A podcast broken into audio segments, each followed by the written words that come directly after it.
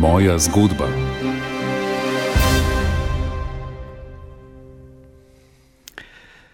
Dobro večer, drage poslušalke in dragi poslušalci, oddaje Moja zgodba. Dobro večer, drage gledalke in dragi gledalci, ki nas spremljate preko spletne strani radio.ognisce.si oziroma preko Facebooka našega radia. Spremljate torej oddajo Moja zgodba, v kateri je danes spet gost, novinar in zgodovinar dr. Jože Možina. Lepo zdrav, dober večer. Dober večer, lepo zdrav tudi vašim.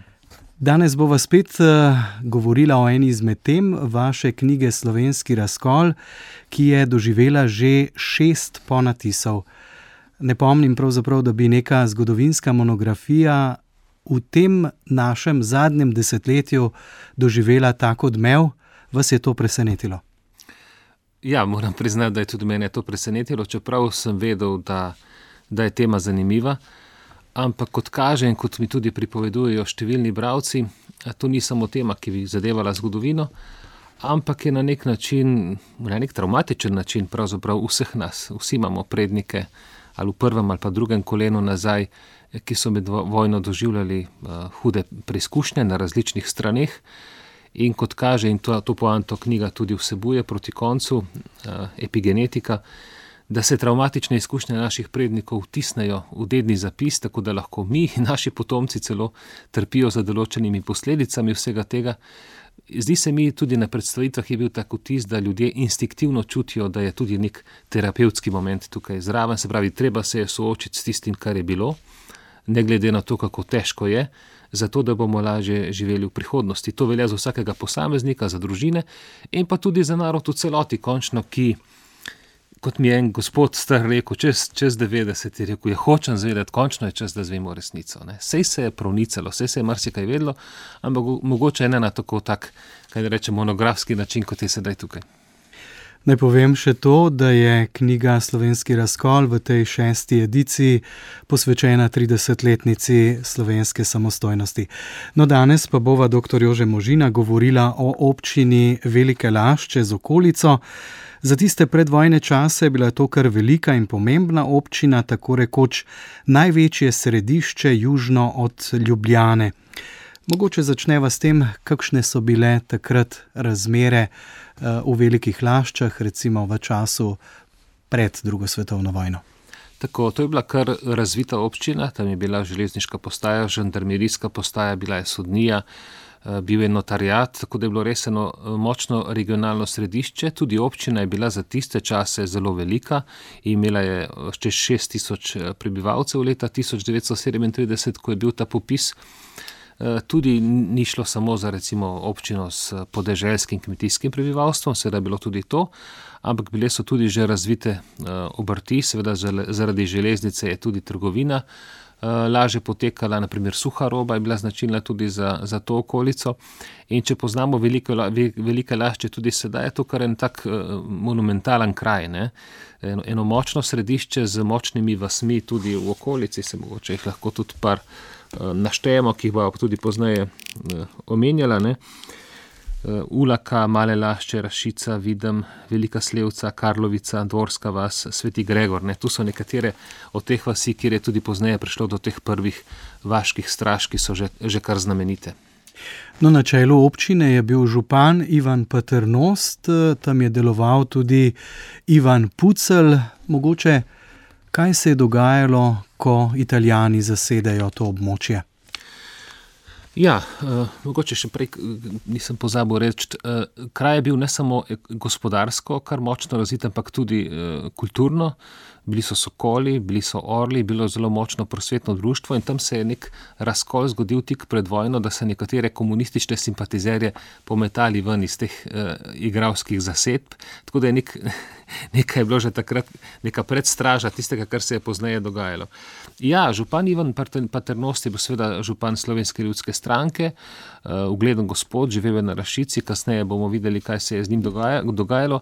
Ta pucel je bil pa svoj vrsten politik, sicer uh, mesar in, in tak narodni delavec in narodni buditelj, tako se je nekako pozicioniral. Prišel je pa tako visoko v politiki kraljevine Jugoslavije, da je bil nekaj časa celo kmetijski minister. On je imel pomembno vlogo v kraju, kasneje so ga Nemci zaprli in je bil kot sredinskem taborišču. Bil je tudi član te konzulte, se pravi po italijanski okupaciji, ne, ko poskuša tradicionalni tabor na italijansko pobudo živeti v nekem sožitju. Visoki komisar Gracioli oblikuje konzulto kot neposvetovalni organ, sestavljen iz recimo vidnih politikov, vidnih osebnosti Ljubljanske pokrajine, tudi Pusel tukaj sodeluje, poleg Natlačna in ostalih. Ampak malo, ko vidijo, da imajo to italijani samo za farso, ne, da v bistvu jih ne upoštevajo, da jih samo izkoriščajo za samo promocijo, čež da so se dobro uh, situirali takrat v Ljubljanski pokrajini, potem tudi Pucel odstopi in napiše zelo zanimivo pismo. Zdaj, kaj se je dogajalo? Prav za velike lašče je značilno ne, za tako območje dolenske, da ne samo, da ljudje italijanov niso marali, kar je bilo pravzaprav običajno na celotnem okupacijskem področju. Treba je omeniti, da recimo slovenski človek je Nemce tradicionalno spoštoval, rekel celo včasih preveč, ne, a priori, medtem ko italijane pa podcenjeval, včasih tudi malo, uh, malo preveč, ne, bili so pač lahi, makaronari in tako naprej. Tako da so jih tudi vaški fanti marsikje provocirali, prihajalo tudi do pretepov. Je en primer, recimo, ko je en kmet uh, je imel konjsko uprego, pa je bila italijanska vojska pred njim, pa je kar pognal konje med njih. Ne. Kasneje so mu sledili, vrgli bombo v njegovo hišo, nihče ni bil uh, ubit. Ampak prihajalo do teh napetosti, na nivoju, kaj ne rečem, pretepov, vaških pretepov, kaj hudega uh, pa uh, ljudem ni bilo. No. Se pa tam nekje pozno poleti uh, se je začelo govoriti o četnikih. Ne. Zanimivo, marsikje, tudi na primorskem, sploh na Štajerskem, kjer so se pojavili prvi partizani, je najprej govorilo, se je najprej govorilo o četnikih. Zdaj, dve, dve razlagi sta za to. Uh, ena in najbolj verjetna je ta, da so se partizani sami, ne, da ne bi Eh, prišla, prišel ta komunistični element eh, v ospredje, sami pač pod to krinko, ki je bila takrat relativno še popularna, ne, eh, da so to četniki. To je bila kot neke v staro jugoslovanski armadi predvidena gverila v času okupacije, ne sveda po v skladu s srpsko vojaško tradicijo. Ne. In Draže Mihajlovič tudi ni, ni bilo neznano ime k malu na začetku vojne. Tako da se pojavijo ti prvi partizani in bili so, ko, ko ni prihajalo do še nekih ekscesov in nasilja, so ljudje prav v tisti prvi fazi gledali z neko simpatijo. Ne? Ta uh, Jože Brejc, ne? tudi pseudonim Jože Javoršek, ta znamenit krščanski socialist, vse mogoče se o njem ve, ga bova še dvakrat pocitirala on nekje v svojih spominih pravi, da, da, je, bil, da je bila tista doba ne, zlata doba, ne, da ni bil pravzaprav nihče proti osvobodilni fronti. Vsi so bili seveda za osvoboditev, ampak kakšno in na kakšen način eh, stvari so se seveda zapletle. Um, organizirali so takoj mrežo osvobodilne fronte, ne samo osvobodilne fronte, še prej slovenske legije. To rekel, voja, vojaško formacijo tradicionalne strani, ki je bila pravzaprav prva ustanovljena, tako rekoč. Ne. Eh, že konec maja 41, vendar na neki teoretski bazi. Ne. Res je, da je na koncu štela že okrog 6000 evidentiranih članov, vendar v skladu z doktrino tudi Slovenske ljudske stranke in kraljeve vlade v Londonu, ki je bila sicer del protihitlerovske koalicije, so zato, da bi zaščitili življenja, ker so vedeli, da bodo eh, okupatori na provokacije odgovorili z nasiljem, so rekli, škoda je slovenskih ljudi in so se organizirali samo tako, da so evidentirali članstvo, vršili neke priprave, imeli ilegalni tisk, vse to ja, ne pa proti okupatorju nastopili z orožjem. Komunisti jih prehitijo ne zato, ker bi jih. Ker bi hoteli prehiteti, ampak po, paktu, po padcu pakta Hitler-Stalin, tisti, tisti trenutek postane Hitler iz zaveznika nasprotnik, ne po njihovi zaslugi, po zaslugi Hitlerja, če tako rečemo. In takrat začnejo, seveda, po nalogu komentarne z oboroženim odporom, in ta slovenska legija, ta organizacija, nekako stopi v drugi plan, ker komunisti s partizani nekako že, že, že, že prihajajo v vasi z orožjem in so na začetku, recimo, poskušajo biti relativno kaj ne rečem, dobro namirni. Ne? Mi smo slovenska narodna vojska, mi smo slovenska partizanska vojska. Ampak tukaj že prihaja do tega, veste, tako, nek, ena skupina mladih eh, ljudi ne, v polni eh, zasedbi, več jih je, to je treba prehraniti in so začeli zbirati hrano, potem je hrane že zmanjkovalo, je prihajalo do nekako eh, že do teh prvih napetosti, sploh pa je tak znamenit primer. Takih situ, situacij je bilo na slovenskem več. Ne. Da bi ljudi privabili, so seveda propagirali Sovjetsko zvezo kot deželo blaginje, deželo neizmirne sreče, deželo sreče za malega človeka in kmeta. Ne? In pa se je nočka le oglasil. Ne? Uh, tu v knjigi je to bolj podrobno popisano in pocitirano. In pravi, ja, jaz sem bil v Sovjetski zvezi kot eh, avstrijski vojni ujetnik, ja, pa tam ni tako, ne? tam je revolucija je bila in revščina in vse to. In kaj so mu rekli, ne? očka, če boste to propagirali, ne veste, kaj vas čaka. Ne? Tako, in dejansko, dejansko on, mislim, on ni vedel. On je celo vedel, kaj, kaj ga čaka, in je utihnil. Dejansko, takoj se je začelo ustrahovanje. Doktor Jože Možina, zakaj se je potem to tako drastično spremenilo, kdaj pride do prvega nasilja? Eh, prvič, prvo nasilje je bilo izvano uh, tako, da, da so pravzaprav uh, potezo naredili okupatorji. Uh, šlo je za partizanski napad karabinerske postaje na Turjaku. Uh, kjer naj italijani najdejo spisek sodelavcev osvobodilne fronte, pač ta, ta OF stran je bila zelo neprevidna in takrat zaprejo 39 domačinov in jim sodijo. Ampak to nekako so ljudje doživeli kot nek okupatorjev pritisk, vse se pa spremeni, seveda, ko prihaja do teh revolucionarnih umorov. Moram reči, da eh, tudi sicer, in tu bomo kasneje videli, da so eh, ti drobne, drobne partizanske prakse, eh, praske in napadi, da so povzročili če dalje več nejevolje med domačini, ker je bilo že omejeno svobodno gibanje. Italijanski okupator, ki je iz taktičnih razlogov na začetku ravnal benevolentno, kot so rekli, postaja če dalje bolj oster. Italijani, ko zgubijo uh, glavo in sigurnost, seveda so ratejo tudi zelo, zelo nevarni. Tako da ljudem seveda to ni bilo všeč. Ne. Potem pa seveda ti ustrahovanje, ropanje, umori strani partizanskega gibanja. To izbije sod v dno, to bova v naslednjih minutah rekla. Tam deluje ta Dakjeva leteča patrulja, ki se prav zaradi umorov, ne, kot za zaslugo po umoru vidovskega župana preimenuje v proletarsko udarno patruljo in ima dovoljenje za nošenje ne samo rdeče zvezde, ampak celo srpa in kladiva. No in Daki deluje tudi na tem, eh, na tem področju. Ne. Mogoče bi še nekaj omenil. Ne. Italijani so se umaknili v večje centre, potem na črtu primavera. Tako da gospodujejo po teh planjavah in po teh vasicah in vseh eh, partizani. Sveda, če pride italijanska patrulja oziroma italijanska enota, tja se partizani umaknejo običajno, sicer pa vladajo partizani in začnejo izvajati uh, volitve uh, in ljudsko oblast in vse to. Se pravi, nek poskus. Vzpostavljanja nekega svojega režima. Predvsem je pa tipično za ta del dolenske, da so začeli razdeljevati kmečko oziroma zemljo veleposestnikov, ki so se, seveda, iz strahu pred partizani takrat umaknili. Ne. Eh, in tukaj mogoče prebral tudi en zelo zanimivo. To je, bilo, to je bil prvi tak odkrit revolucionarni akt, zelo, zelo predkan in premišljen, ne, eh, ki so ga, ki so ga pač komunisti domislili bomo videli, kaj, kaj je Boris Kidrič na to temo rekel. Ne, tudi tukaj, ne, eh, paste, to so parole iz leta 41-42, zemljo tistemu, ki jo obdeluje in tako naprej. Ne. To so te parole, ki jih poznamo iz časa po vojni, ampak dejansko nastanejo uh, že tukaj. Pravi Kidrič, danes smo skoraj v popolnem razmahu agrarne revolucije, vendar pa še ni razglašena kot agrarna revolucija, ne, se pravi, so, so prikrivali, ker današnji tip še ni demokratična revolucija na prvem mestu, današnji tip je osvobodilna vojna, ne, ki jo povezujejo z elementi demokratične revolucije. Ne, se, to je, ta, to, je to besedovanje. Se pravi, oni so pod plaščem osvobodilne vojne pravzaprav izvajali revolucijo, to sam pove. In zdaj, seveda, namirno, oni so namirno razdvajali seveda, slovensko podeželje.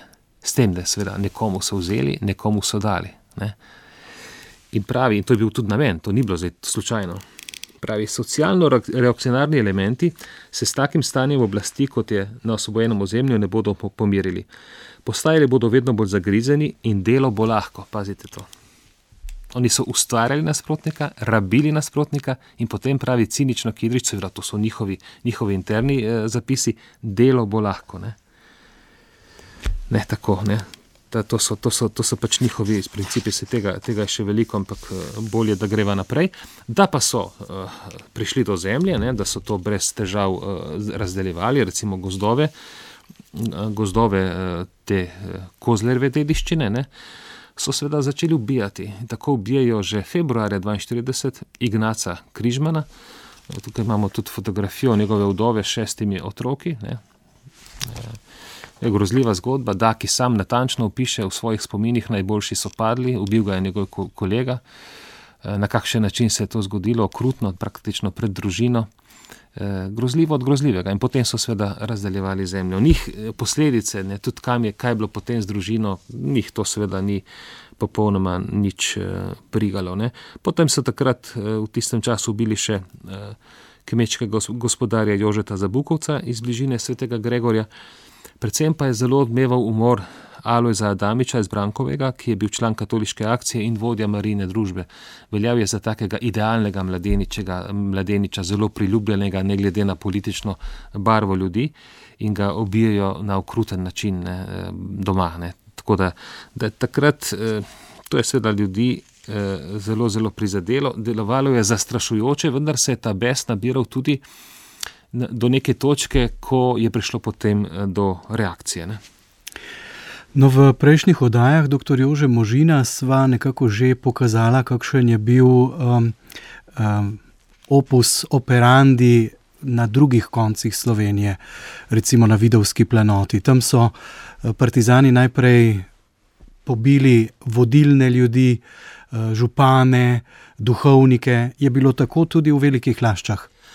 Ja, veste, da so metode enake saj verjetno bodo poslušalci in gledalci, ki so starejši in bolj izkušeni, vedeli, da na nek način so se, se podobna zgodba odvijala po vseh koncih Slovenije, ponekod seveda z zamikom v Prekmurju, šele po osvoboditvi, tako rekoč, ampak posod so se podobni elementi dogajali. In ja, in tudi, tudi v velikih laščah so grozili županu Paternostu.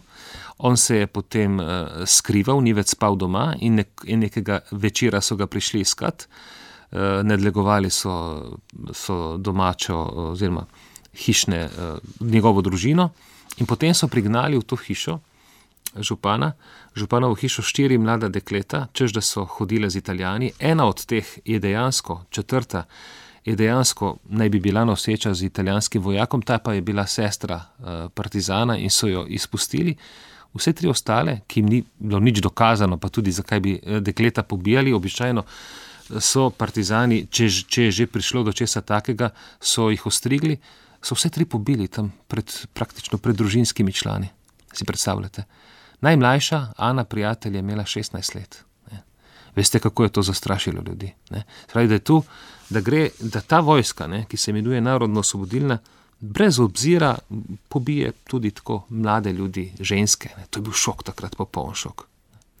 Ampak nasilje, seveda, s tem še zdaleč ni bilo konec. Ne? Eh, v slovenskem razkolu podrobno opišete tudi pomor Grudnove družine iz Ulake in sicer je bila ena od eh, članic družine tudi vaša pričevalka. Tako je. To je res eh, zanimiva zgodba. Če dovolite, bi prej nekako za uvod v to stanje apokaliptično, ki ga lahko imenujemo, povedal en, en citat na strani 421. Namreč ta eh, Jože Javoršek je junija 1942, po teh umorih, ki so jih sedaj omenjali, pa so bili še drugi, je prišel obiskat svojega očeta, namreč bil je veliko laščan. In ta oče, ne, kaj je ta oče povedal sinu, ne, je, zelo, je zelo zanimivo. Nekaj časa je miril sina, tega, ki je bil krščanski socialist in vidni partizan, miril od vrha do tav, gledal njegovo uniformo in orožje, na to pa se je usulo iz njega. Sem slišal, da morite duhovnike, da ste ubili gospoda Nahtigala, ki je bil nekdaj kaplan v Laščah, in njegovega kaplana Franca Cvara. Ubili ste menda Henrika Novaka, kaplana v Hinjah, in Janka Komljanca, župnika iz Prečne. Si poznal Naceta Križmana iz Borovca, tu je ta lovski čuvaj. Eh, lovskega čuvaja, pobili ste ga, si poznal Lojzeta Adamiča iz Brankovega, pobili ste ga si poznal Janeza Pečnika iz dvorske vasi, pobili ste ga, njega in njegovo ženo, in na rašici, Če bi šel skozi, vprašaj, kaj je napravila Jakličeva, Mustarjeva in prijateljeva, da ste jih pobili. To so ta tri dekleta. O Bog se nas usmili, Bog se nas usmili. Na to se je oče zgrudil na kolena in tako pre, pre, pretresljivo jokal, da ga ni bilo mogoče ustaviti. Oklepal se je sinovih nog in z glavo butal obnje in jokal, jokal. To je pač tak tragičen prizor, ki te pretrese, ampak pazite, to je bila samo reakcija nekoga, ki ni izgubil nobenega družinskega člana, pa je tako dojemal takratno situacijo, ki je bila v resnici grozljiva. Ne?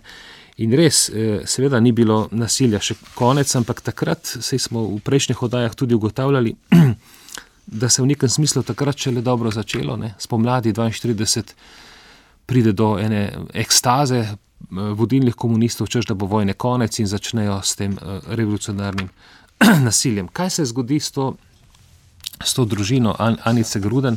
Se mogoče jo bomo tudi pokazali. Ne? Oče je bil sodni sluga. Je bil tudi eh, nekako skrbel tudi za rubeže, ampak bil priljubljen med ljudmi, ker je bil zelo, zelo korekten in je v bistvu pomagal. Ne. Celo enemu partizanu, ki je bil upleten v pomor njihove družine, je pomagal in ta partizan med tem pohodom, ko so jih vodili v smrt, je, mu je celo izkazoval neko hvaležnost. Ne. Absurdne situacije. Tukaj bom vseeno pokazal, imamo, imamo to družino, ki je bila pobita in tukaj je verjetno na prvem obhajilu Anica Gruden, ne, takrat seveda 12-13-letna deklica, v pričevanju, ki je bilo posneto leta 16, pa odrasla ženska. Kaj se je zgodilo?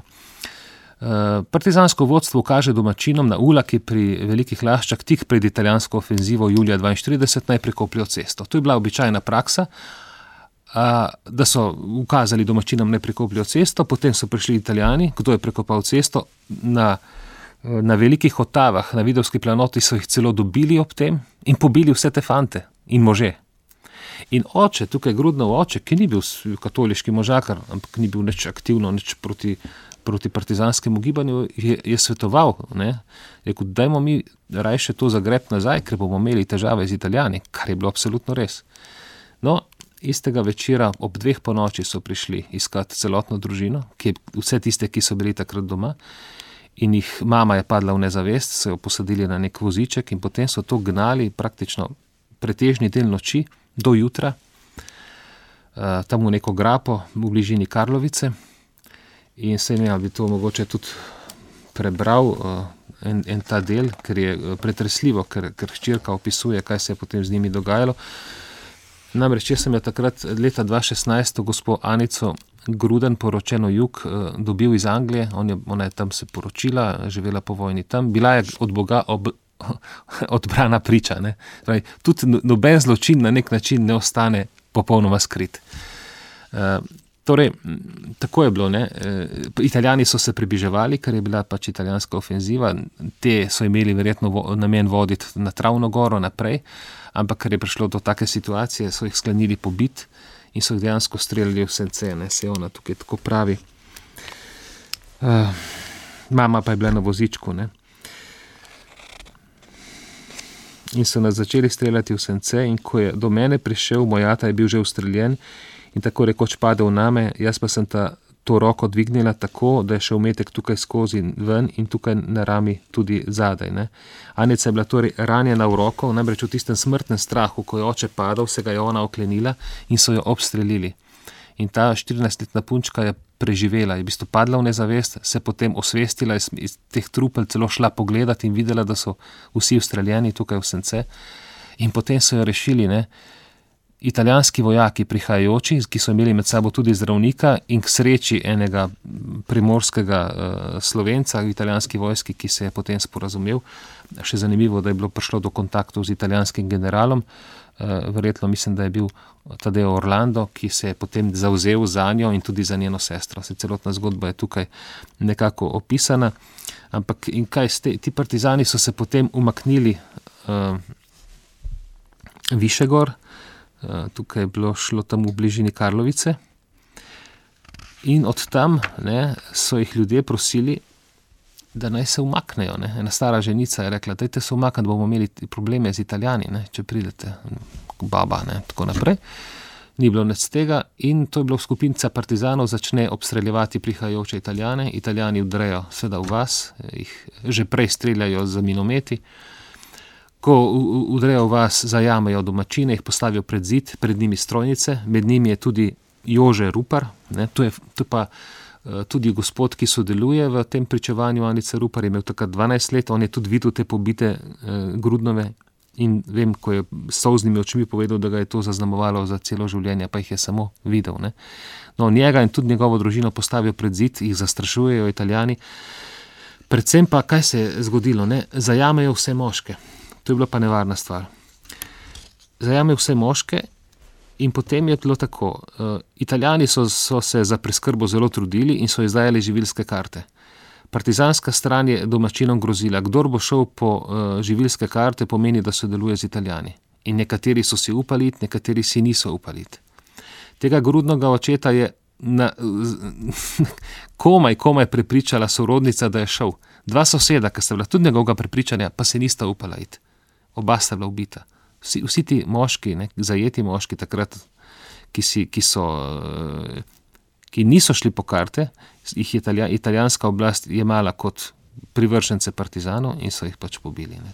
Take nesrečne situacije uh, so se takrat dogajale. Šlo je pravzaprav za sedem družinskih očetov.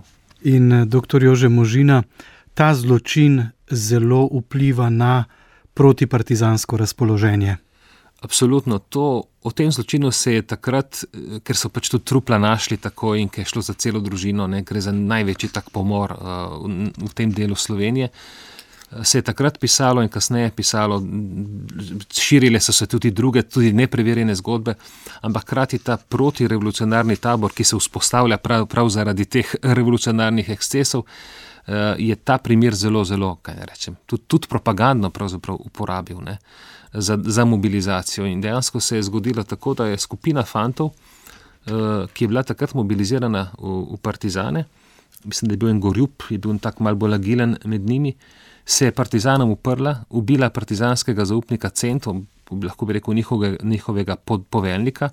In prestopila, prestopila, se legalizirala, oziroma ilegalizirala kot neka oborožena skupina, ne še vaška straža, ki je začela nastopati proti Partizanom.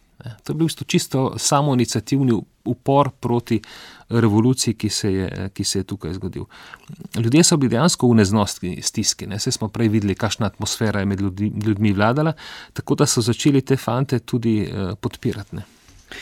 In kako je na ljudi vplivalo vse to nasilje in komu je pravzaprav koristilo? Se to je neverjetno. Ne? Zdravo misleči človek, ne? takrat in danes si misliš, pa sej, pa sej bilo škoda ljudi, ne? zakaj izzivati italijane. Ampak to je bila ta perverzna uh, komunistična taktika, taktika, ne slovenska, ampak bolševistična po vzoru sovjetske, ko je tudi nasilje okupatorja povzročalo koristi za prevrat. Namreč oni eh, prevrata, prevzema oblasti, nikoli ne bi mogli izvesti v nekih normalnih ali pa obvladljivih razmerah. Treba je ustvariti kaos. Ustvariš ga lahko ti, kot politična teroristična skupina, kar so tudi počeli, in zato izkoriščaš tudi okupatorje, da ga provociraš, da tudi on uh, to počne.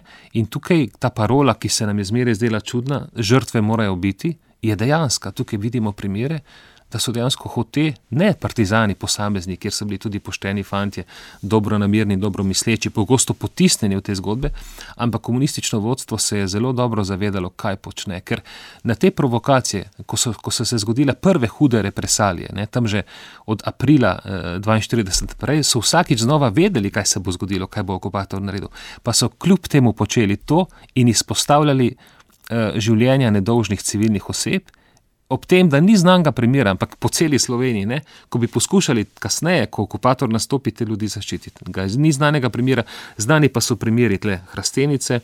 Pri Dobrovi znani so primeri Branik, Richenberg, Komen, da, da se partizanske enote umaknejo in iz varne razdalje spremljajo, kaj se dogaja, kako se eh, okupatorji življajo nad domačini. Mhm. V nekaj dneh je bilo v velikolaški župni ubitih 31 ljudi, v robu 35, želimljah 16. Ja. Zanimiv je ta primer želimelj, kjer lahko tudi nekako poveževa s tem vašim prejšnjim vprašanjem. Ne? Uh, namreč tam je, tam je bila situacija taka, podobno ob italijanski ofenzivi zajamejo uh, skupino domačinov jih vodijo naprej proti velikim laščam. Župnika takrat ni bilo doma. To je bil župnik Ciril Milavec. Ko on pride domov, sliši, kaj se je zgodilo, ko pridejo ženske do njega, prosijo, jočejo, seveda se on na hitro odpravi, kako je mogoče hitro v velike lašče in dejansko temo že najde pred puškinimi cevmi. Ne. Tako daleč je že šlo, so bliže pred streljanjem. On se zauzame pri italijanskem okupatorju, sploh v tej začetni fazi, so duhovniki še imeli neko moč. Ne. Pri nemškem okupatorju veliko manj skoraj, skoraj nič. No, tudi so primeri, ko so lahko pos uspešno posredovali, tako da on te ljudi pravzaprav reši. In kakšna je reakcija partizanskega zaupnika na to? Ne? Bomo poskušali dobiti. Ne? Pravi, uh, potem, ne, ko je posredoval, ne, župnik Milavec, uh, tem, ko se je vrnil, kar niso pričakovali, da se bo vrnil, so, so bili vsi prosti, so vse izpustili. Vemo, da mu ne moremo zaupati. Namesto da bi rekli, da rešuje ljudi, vidi se, kako je pravzaprav ta, to podzemlje ne, komunistično delovalo. Ne. Da ni bila vrednota obraniti življenja, ampak bila je vrednota, ja, nažalost, moram reči, ne, življenja izpostaviti okupatorjevemu terorju. In ta župnik, seveda, jim je tukaj prikrižal načrte. Tukaj je do, neposreden dokaz, dokument, ki ga pa tle navajam, je pa celo partizanskega izvora. No, zdaj smo pri vprašanju, seveda, odpora proti temu nasilju, kdaj pride do vaške straže, kako nastopijo.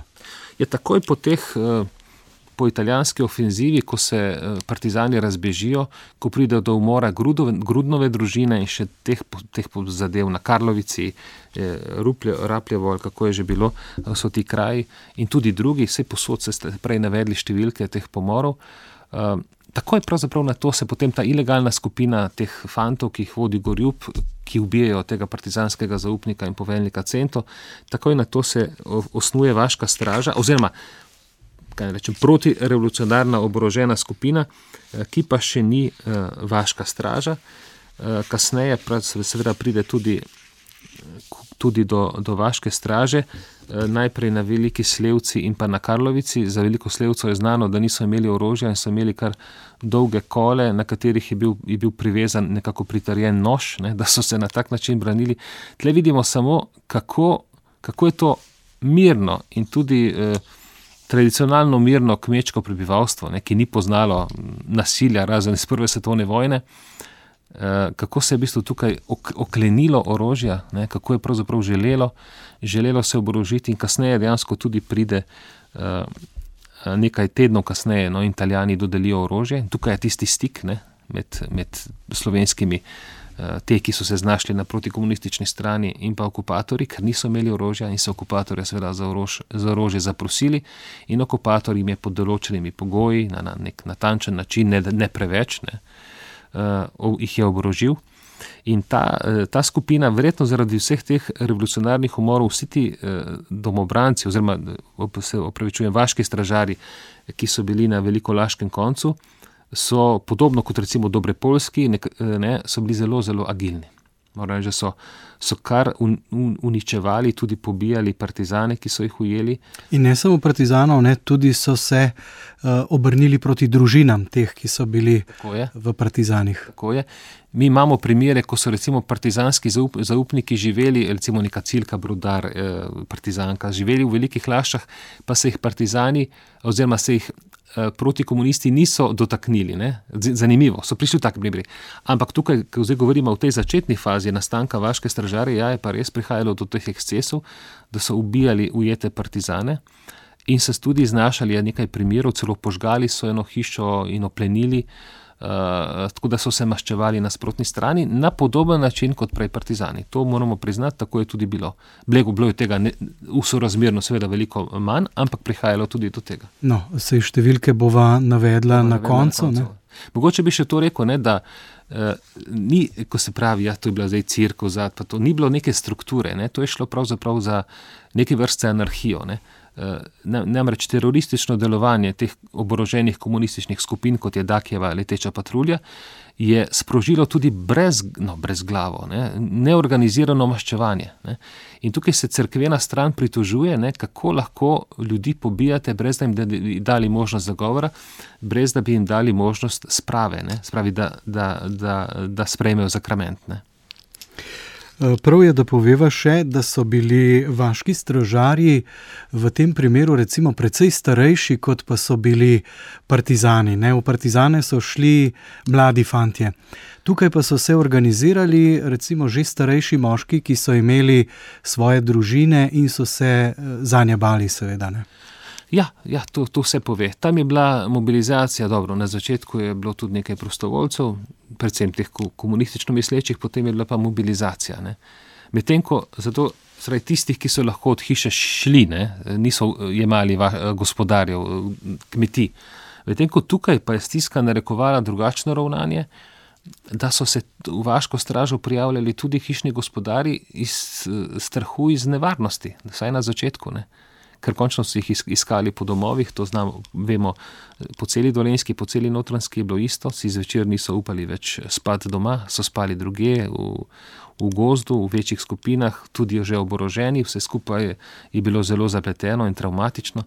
Še tukaj imamo pričevanje gospoda Jožeta Črneta iz bližine Ljubljane, danes že Ljubljana, ne? kozarje da so očeta po noči iskali partizani ne, in otroci pa v smrtnem strahu, ne, ali pa da so hodili med, med otroci in iskali, če je med njimi skritne. Veste, da tisti meseci eh, spomladi leta 1942 so bili eh, dejansko grozljivi ne, za to uh, prebivalstvo.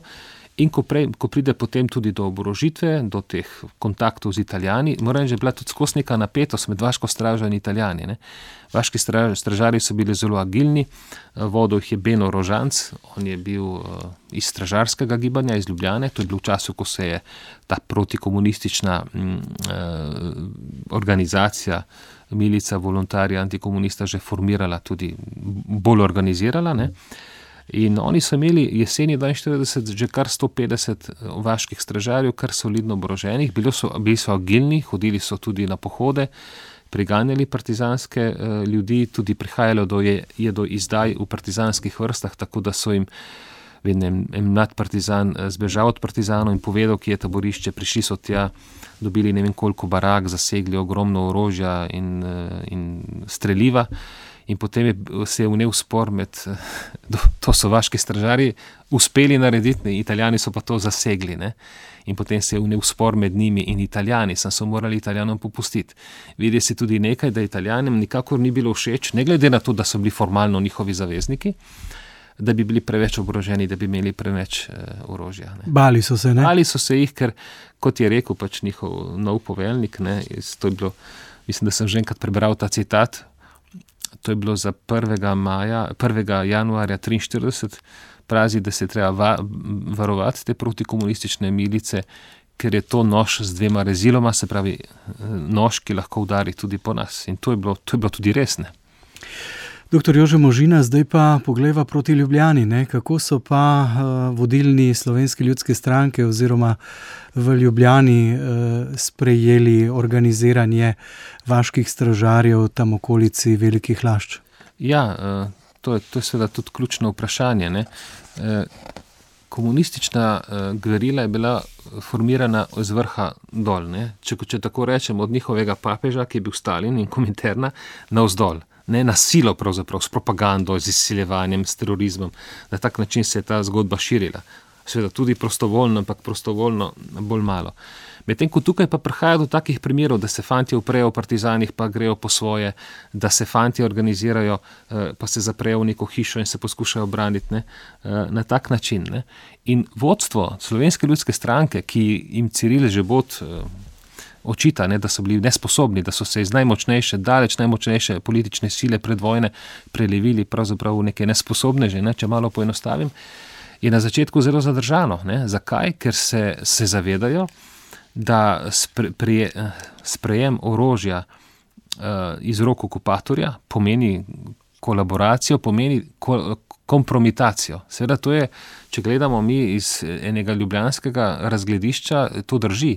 Če gledamo z današnjega razgledišča, tudi to drži. Ampak zgodovina ima dve pravili. Ne? In to je eno je primerjava virov različnih. Ne? Ne, zgodovina ni tisto, kar nekdo reče in kar je napisano, ampak je treba to preveriti na različnih straneh. Zato so znanstvene monografije veliko bolj drugačne od recimo običajnih knjig, ki jih pišejo spomini. In druga stvar je pa kontekst časa in prostora. Se pravi, treba je vrednotiti dogajanje na podlagi in seveda se poglobiti v čas, ki, ki se je takrat odvijal in v tiste okoliščine. In tiste okoliščine so že, že v Ljubljani bile drugačne v tistem trenutku, kot pa recimo v Velikih Laščah. Ker smo mi tudi že predstavljali te vosovske likvidatorje in vosovske likvidacije, je jasno, ne, da so jih v bistvu. Um, kako naj rečem, ne žrtvovali, ne, ampak da so se pustili, da jih ubijajo. Ne. Če če ne primeš za orožje in se upreš, potem si pravzaprav kot živila, ki ja. jo peljejo v zakol. Ne? Točno tako se je. Eh, tukaj je bila katoliška crkva, ne da je, da je eh, forsirala oborožitev, eh, ampak obratno. Ne? Vsaj v tej prvi fazi. Škof Rožman je uvedel pobožnost prvih petkov, častili so mučence, kar je bilo vse v redu, ampak to v vojaškem smislu ne? ali pa v tem praktičnem smislu, ne? to je seveda ni bil pravi odgovor na oborožen napad na, na tradicionalni ta tabor, ki se je takrat zgodil. In eno, mogoče bomo eno tako, eno tako nesoglasje tukaj uh, omenil, ker je zanimivo. Namreč Milo Stare, uh, visok politik slovenske ljudske stranke, ki je delal ilegali uh, za slovensko legijo in tako naprej. Uh, je prišel v stik z velikolaškim županom Paternostom, za katerega smo vedeli, slišali prej, ne, da je bil tudi uh, končno namen so ga imeli ubiti in tako naprej, nekako je preživel. In uh, iz Ljubljane so prihajali ne podpora naj, najprej ustanavljanju vaških straž, ampak očitki. Ne? Očitki. Tako da sta se ona pogovarjala. Obiskal ga je veliko laški župan Paternosti in mu povedal, da namerava ustanoviti vaško stražo. Starej je županu dopovedoval, da je vendar nemogoče, da bi vzeli orožje od Italijanov. Navajal mu je tudi druge razloge proti ustanovitvi vaške straže. Župan Paternost pa mu je rekel: Gospod, vi tega ne razumete. Ko bi živeli na deželi, bi videli, da ne moremo drugače, ker nas bodo vse pobili.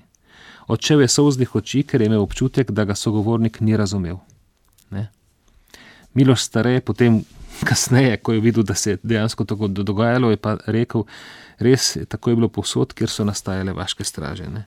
Nastajale so iz stiske takratnih ljudi, ker so se bali za življenje in premoženje, in ker je bil v tistem trenutku, torej v tistem kontekstu časa in prostora, okupator manjše zlo od domače uh, krvoločne gverile. Doktor Jože Možina, zdaj pa k usodi vaške straže v velikih laščah, kako so končali te fantje. Šle, tukaj imamo veliko fotografij, res vaških straž iz, iz velikih lašč. Uh, in okolica, ja, bo šla kar na, kone, na konec, dva huda udarca sta seveda bila. Uh, Uh, a je mogoče, da začnemo najprej leto 43, ne seveda september, ob propadu Italije. Uh, kaj se je uh, takrat dogajalo? Partizani so veliki psihološki prednosti.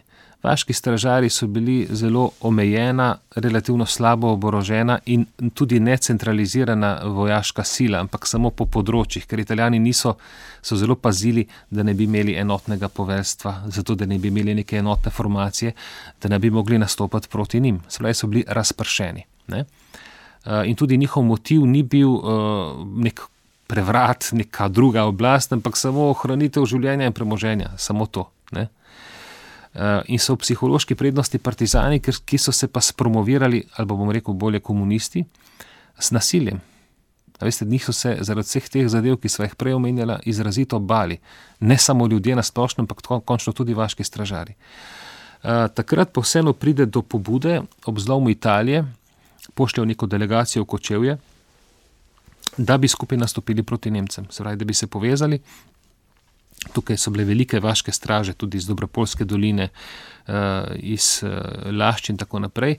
Govorimo o tistih vaških stražarjih, ki so se pozneje združili v Torjaku, bolj ali manj, šlo je več, čez 900 jih je bilo.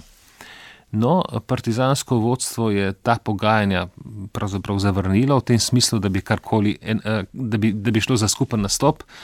Rekli so jim pravzaprav tako, fanti se lahko nam pridružijo, ne? Medtem ko za oficirje pa ne odgovarjamo. Ne. Spravi, oficirje bi tako in tako pobili, ne. fante pa vprašanje tudi kako. Ne. Se končno se je tako zgodilo, ko so jih ujeli ne, na Turjaku. Uh, tako da do, do, do nobenega dogovora ni prišlo. Uh, tle ne bova govorila o tej turja, turjaški tragediji, ne, ker je pač res uh, zelo žalostna zgodba. Uh, partizanske brigade, ki oblegajo Turjak, uh, so na začetku neuspešne, potem pa pride do pomoči takrat o, že, že kapituliranih Italijanov, ne, njihovega topništva in s pomočjo tega topništva uspejo pravzaprav uh, razbiti branilce, jih zajeti in potem po večino na tak ali drugačen način pobiti.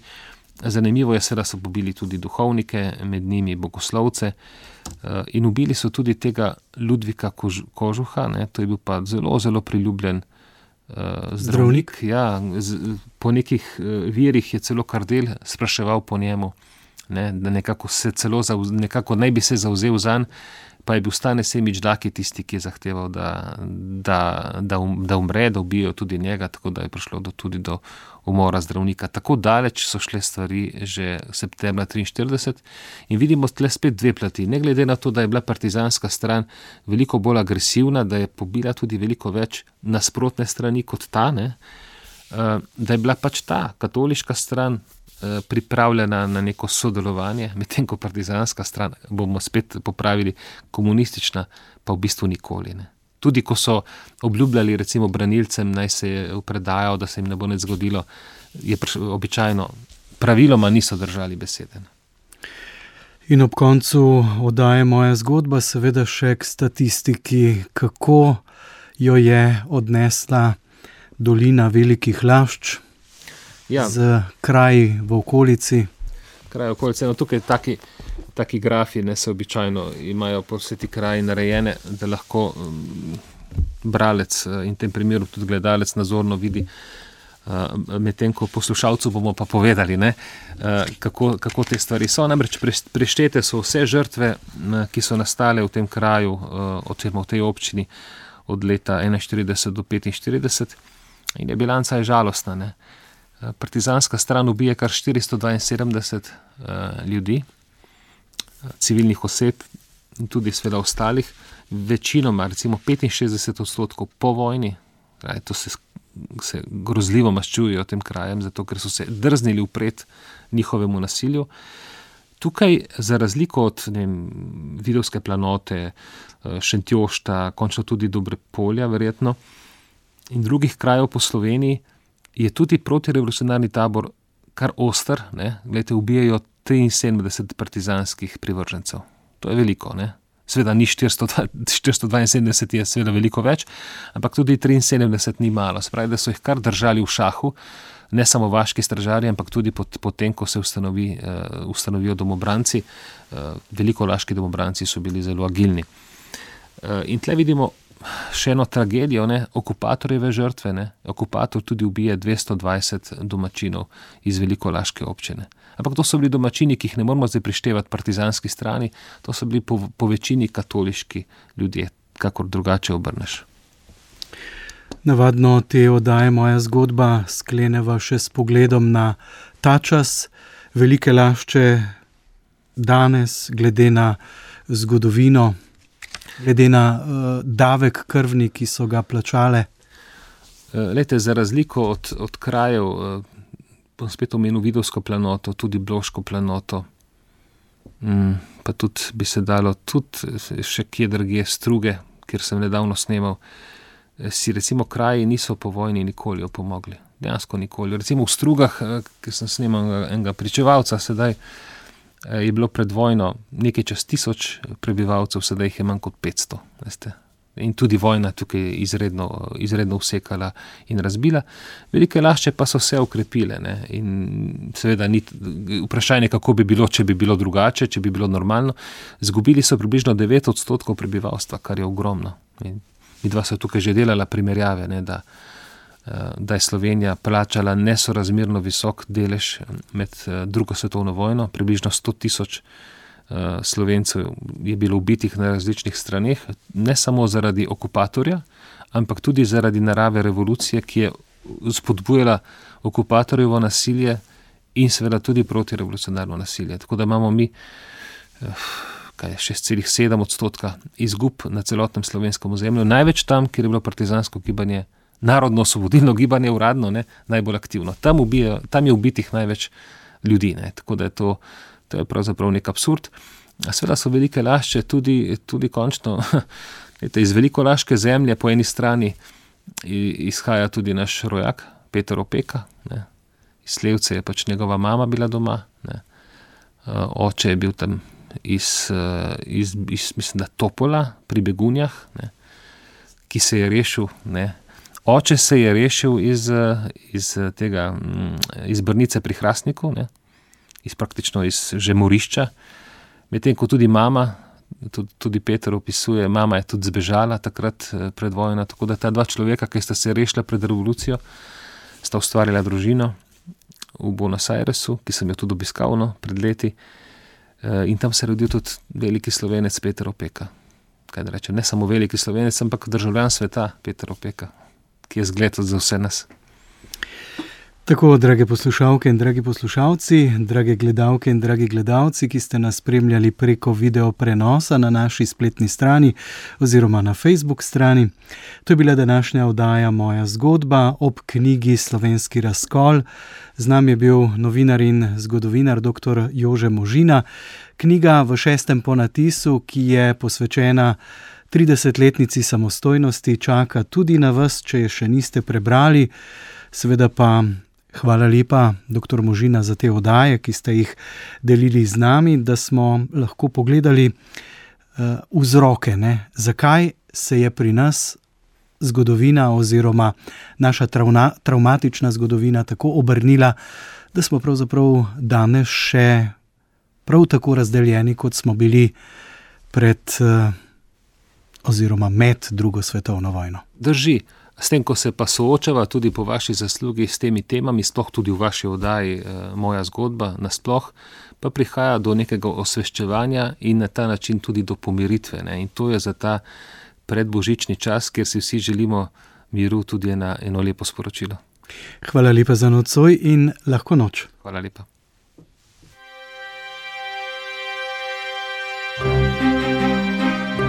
Moja zgodba.